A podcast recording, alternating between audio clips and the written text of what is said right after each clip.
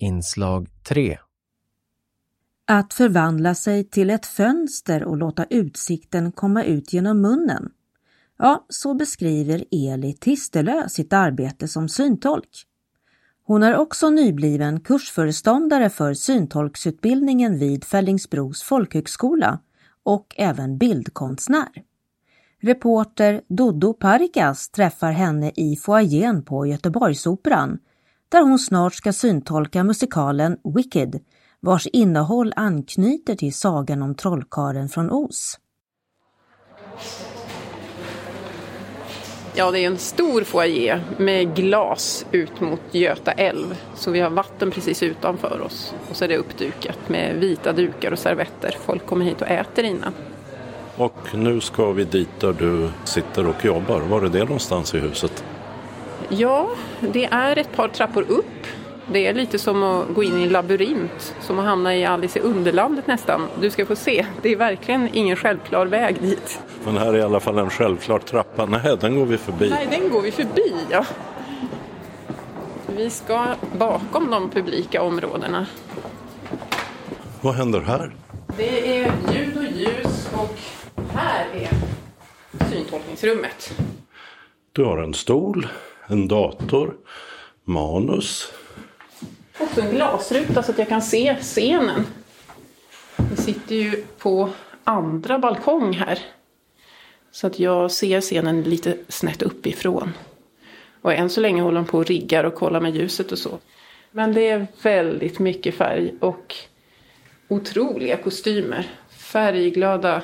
Men framförallt är det väldigt mycket av färgen grön.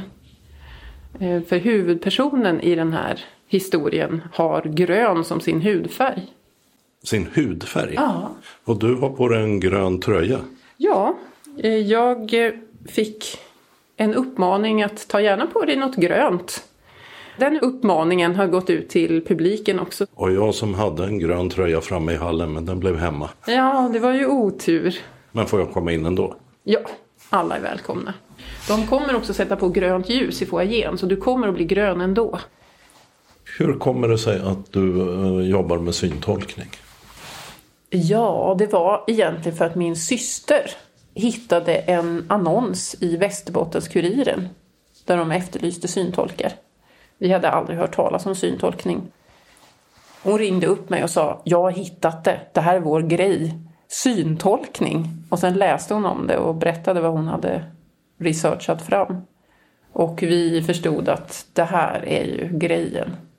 Vi är båda bildkonstnärer och tycker om att skriva och jobba med ord också. Och att få jobba med människor, göra någonting meningsfullt och samtidigt jobba med kultur. Det var ju så lyckat att hon hade hittat det där. Så då sökte vi utbildningen båda två.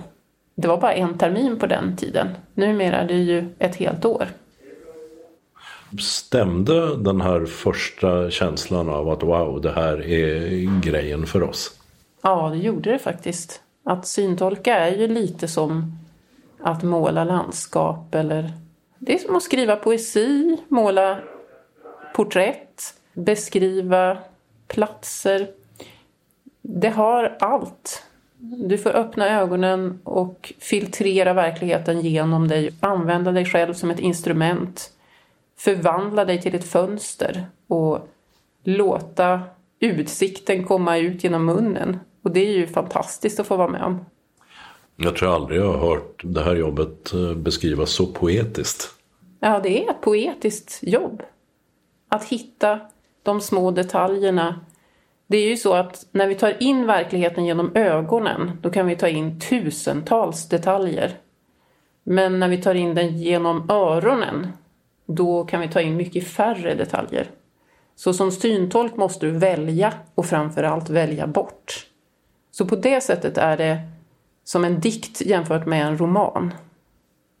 Hur lång tid har det gått sedan du gick eh, utbildningen? Jag tror att det har gått 11 år. Och i julas så gick Lotta Lagerman i pension. Lotta Lagerman som har startat syntolksutbildningen och varit kursföreståndare fram tills i julas. Och då fick jag äran att ta över hennes plats. Och har du några planer på förändringar eller har du en vision för någonting som du kan bidra med som är nytt för skolan? Min tanke är att jag först bara ska ta över barnet och hålla det i famnen. Eh, och sen får jag se vad vi behöver. Först gäller det bara att landa i att vi fortsätter trots att Lotta inte är med på skutan. Men jag vill fortsätta bygga på en utbildning som höjer kvaliteten på syntolkningen i Sverige. Och det här är ju en folkhögskoleutbildning och det finns ju diskussioner om ifall det borde finnas som fasta kurser till exempel på universitetet i Lund. Det har funnits utbildning här i Göteborg också på högskolenivå. Höjer det statusen om man tar det till en högskolenivå eller spelar det ingen roll för det i praktiken? Går det lika bra på en folkhögskola? Jag tror att det går lika bra. Jag var kursföreståndare då när vi hade den på högskolan här i Göteborg på Valand. Ja, svårt att säga egentligen. Nej, jag upplevde nog inte att det var så stor skillnad. Men eh, folkhögskola är ju en väldigt bra utbildningsform. Jag tror att det kanske mer handlar om att få någon slags certifiering och att vårt yrke blir vedertaget att det går att få nu är du syntolk. Mm, jag tror nästan att det är det som är mer den kritiska punkten. Det faktum att du är konstnär också och har det här som jag kallade en poetisk syn på syntolkningen. Skiljer det sig från andra syntolkars arbete? Alltså sticker du ut? Det finns ju väldigt många olika ingångar så att vi som är syntolkar är på många olika sätt. Jag vet inte om jag sticker ut särskilt men vi har alla våra uttryckssätt, våra språk, våra inre bilder och vårt sätt att röra oss i världen. Så att vi, vi är ganska olika varandra. Sen har vi vissa saker som vi är överens om och vi jobbar åt samma håll fast vi använder olika ord. Nu ser du den fantastiska ridån som de har byggt upp med tidsdraken och en urtavla, 10 meter i diameter skulle jag säga, med en svalas vingar som visare. Och så flyttar sig ljuset. Ja. Den ser ut som den är byggd i rostig plåt. Och den kan växla mellan att vara genomsläpplig så att vi ser världen innanför den här tiden till att vara ogenomsläpplig så som den är där draken är just nu. Där ser du inte världen bakom. Det är alltså en som en tunn ridå framför den här kulissen eller scengolvet i cirkeln.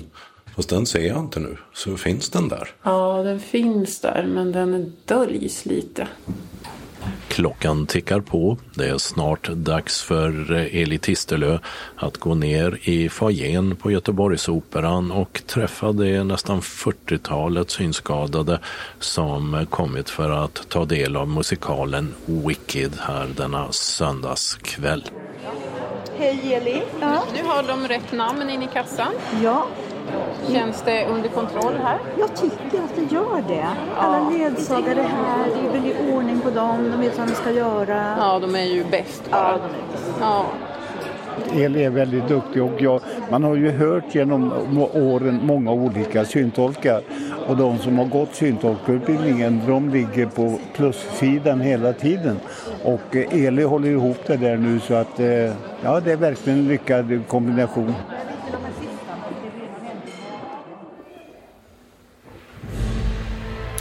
Ett grönt ljus tänds i urtavlan och svalans väg över himlen markeras med gröna ljusskimrande streck som glimmar till och släcks igen.